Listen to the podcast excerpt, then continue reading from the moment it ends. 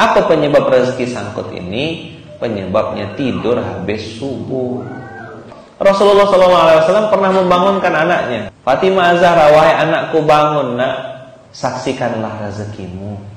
Karena Allah membagikan rezeki kepada hamba-hambanya dari habis sholat subuh sampai matahari terbit. Di waktu itulah Rasulullah mendoakan Allahumma barik li ummati fi bukuriha.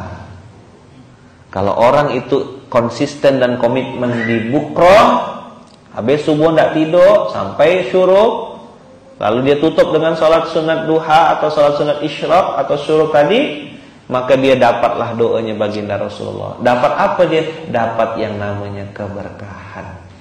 Apa itu keberkahan Ustaz? Ketenangan, kebahagiaan, rezekinya banyak. Antum kira yang punya saldo-saldo banyak itu pasti bahagia ke? Enggak, demi Allah enggak. Baginda Rasulullah berpesan kepada Fatimah Azhara, bangun nak, bangun, saksikan rezekimu. Karena Allah membagikan rezeki kepada hamba-hambanya lewat malaikat-malaikatnya dari habis subuh sampai matahari terbit. Di saat itulah orang cuma sedikit Bahkan saya pernah baca riwayat itu disebutkan untuk pernah lihat air laut yang setetes dalam riwayat itu disebutkan kalau orang itu tidak bangun subuh atau tidur habis subuh maka air laut yang tadi setetes itu itu ibarat rezeki yang dibagikan Allah kepada semua orang di seluruh bumi ini. Satu tetes dibagi ramai-ramai.